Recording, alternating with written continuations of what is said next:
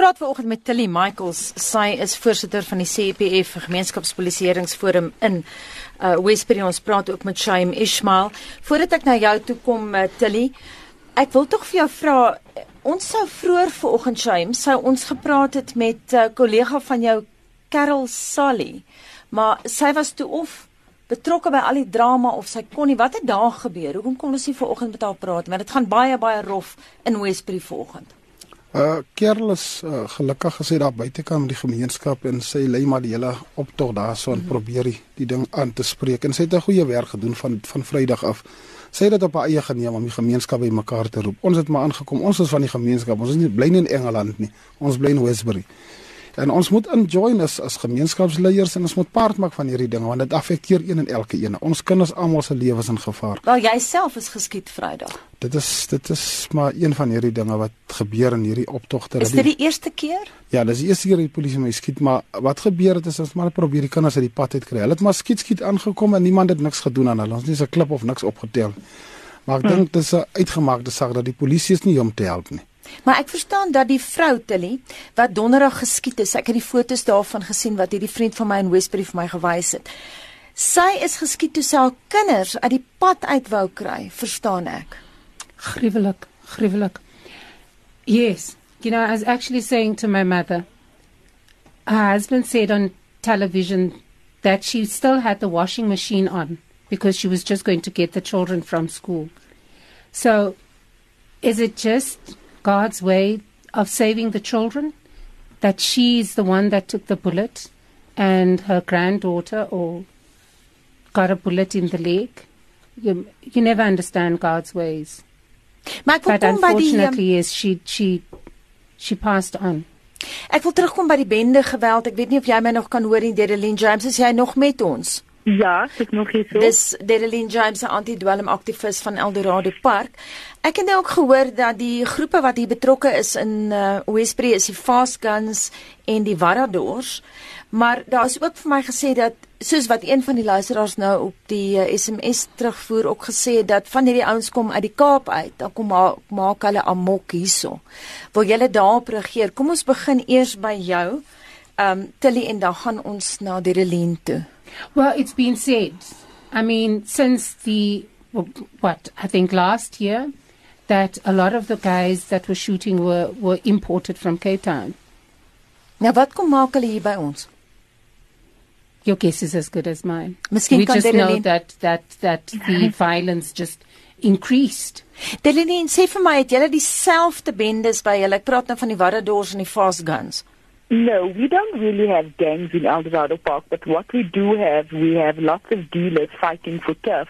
And because of the turf fighting, yes, we have exactly the same problem. It almost seems as if though we're speaking about just one big community where there hmm. have been a lot of Capetonians in our areas. You know, in the weekend, over the weekend, I was in Annabelle, and the same thing has been happening here. There's allegations of shooting, there's allegations of Capetonians being here. There are even allegations that the people from Westbury are hiding out here here in Annabelle. And uh, Saturday night there was quite a few gunshots that was happening here, which never happens in this area. So I don't know how much truth there is. I always say the people on the ground they know what is happening in the areas. But uh, yes, it is. Um, it has been said that um, some of the big dealers, some of the kingpins, they deploy some people as hitmen from um, Cape Town. Cape Town to come and work in our areas. And I, I think a few arrests were made last year, I think in, in Eldorado Park, but those very same people are back out on the streets, so it doesn't really help us much. Shaim, wat is die oplossing? Jy het nog steeds my vraag beantwoord oor wat die polisie sê as jy na hulle toe gaan en jy sê vir hulle hierdie goed nie. Uh, ek stem volhartlik saam met wat Terlin gesê het vroeër dat dit is nie die polisie alleen nie dit is verskillende departemente dit is baie dienste wat moet uitgerol word na hierdie gemeenskap want dit dit dit, dit, hang oor na dit gaan oor na ander uh, uh tipe dinge in die gemeenskap uit dan net gangsterisme en, en skiet en drugs maar terselfdertyd ons het nou vergaderings vir die afgelope 5 jaar gehad met die polisie ons het my helfte van my lewe gaan oor vergaderings oor gang violence en drugs en goed en uh Ons het gesit met die ministers van die hoër gesagte in hierdie provinsie. En ons hoor elke keer dieselfde resitasie. Ons het net gevra vir die laaste keer het ons gevra, kan ons dan genoeg polisie kry om hierdie plek te stabiliseer want te veel mense het hulle lewe verloor. Dit is ver oor 'n krisis. Ons kan nie liggame elke dag optel nie. Het jy 'n idee oor hoeveel mense dood is? Sê jy sê jy praat al 5 jaar met die polisie oor die afgelope 5 jaar. Hoeveel afgelope... mense is in Westbury byvoorbeeld ja, al dood? Vir die afgelope 5 jaar het ons nou sit vir die 1 Oktober vandag 20, uh, 2018 sit ons met omtrent oor die 150 mense.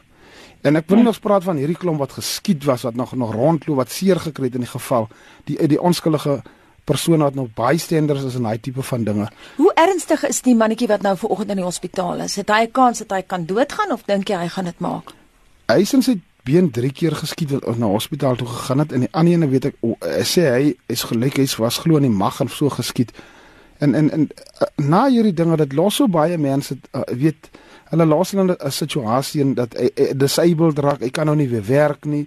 Nou raak hy nou totaal die, die, verantwoordelikheid van die gemeenskap en van sy ouers.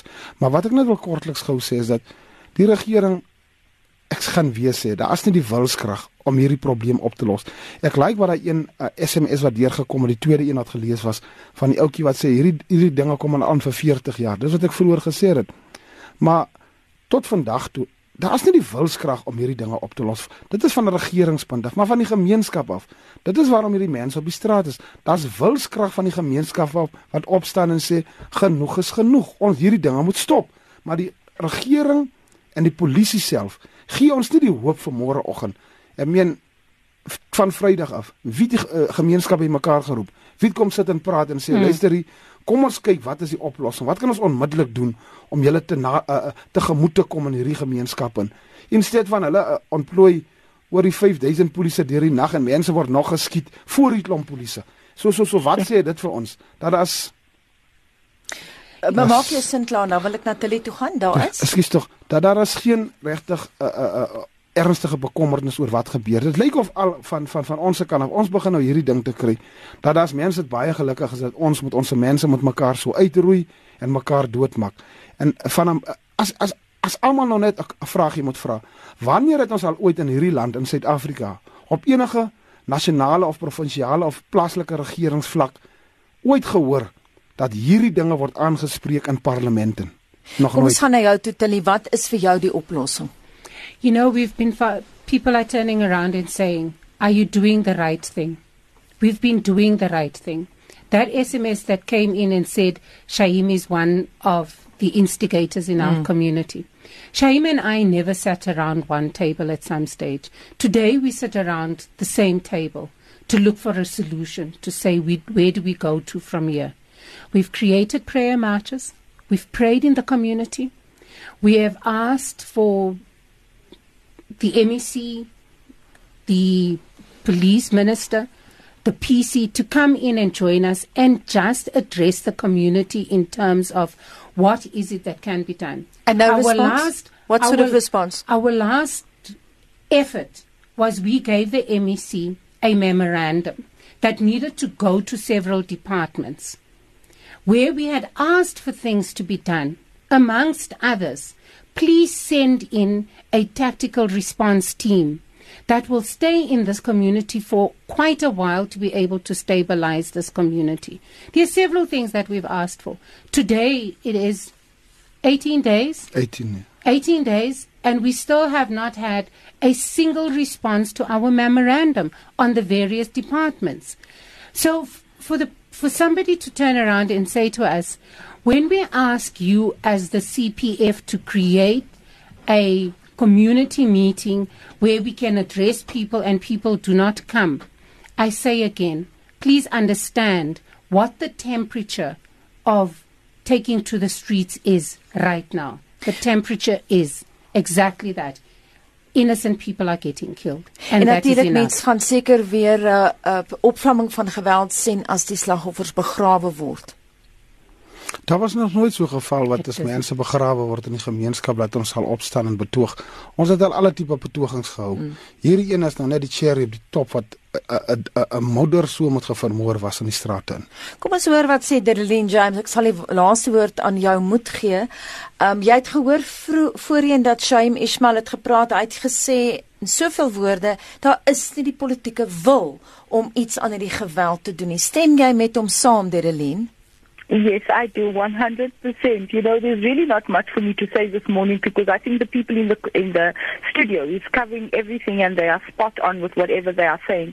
And I think it is just my concern that we always also just call on a, a response for a short-lived period, but we as the community need to come up with our own solutions basically, and not just this uh, short-lived. You know, when the police comes out gun blazing and they're there for two weeks or a month, but we need to start looking at more sustainable solutions that would actually progress and take our communities forward, such as jobs, such as recreation, such as more programs. You know, hmm. funding needs to come into that area, such as development. Those are the long-term sustainable solutions that yes. we should be looking at, and not just you know the focus on SAPS coming and be here for a month because you know it's quite shocking to hear that they have been there and still that they were shooting last night. How did that happen? Oh. But from experience, I know that when SAPS usually comes in, they're usually only on the surrounding areas, the boundaries of a community. They never go in and patrol the streets. That so I immediately when they said two people were shot and SAPS was there, I knew what the problem was there. Again, okay. they're on the boundaries. They're not being active. They're sitting in their vehicles.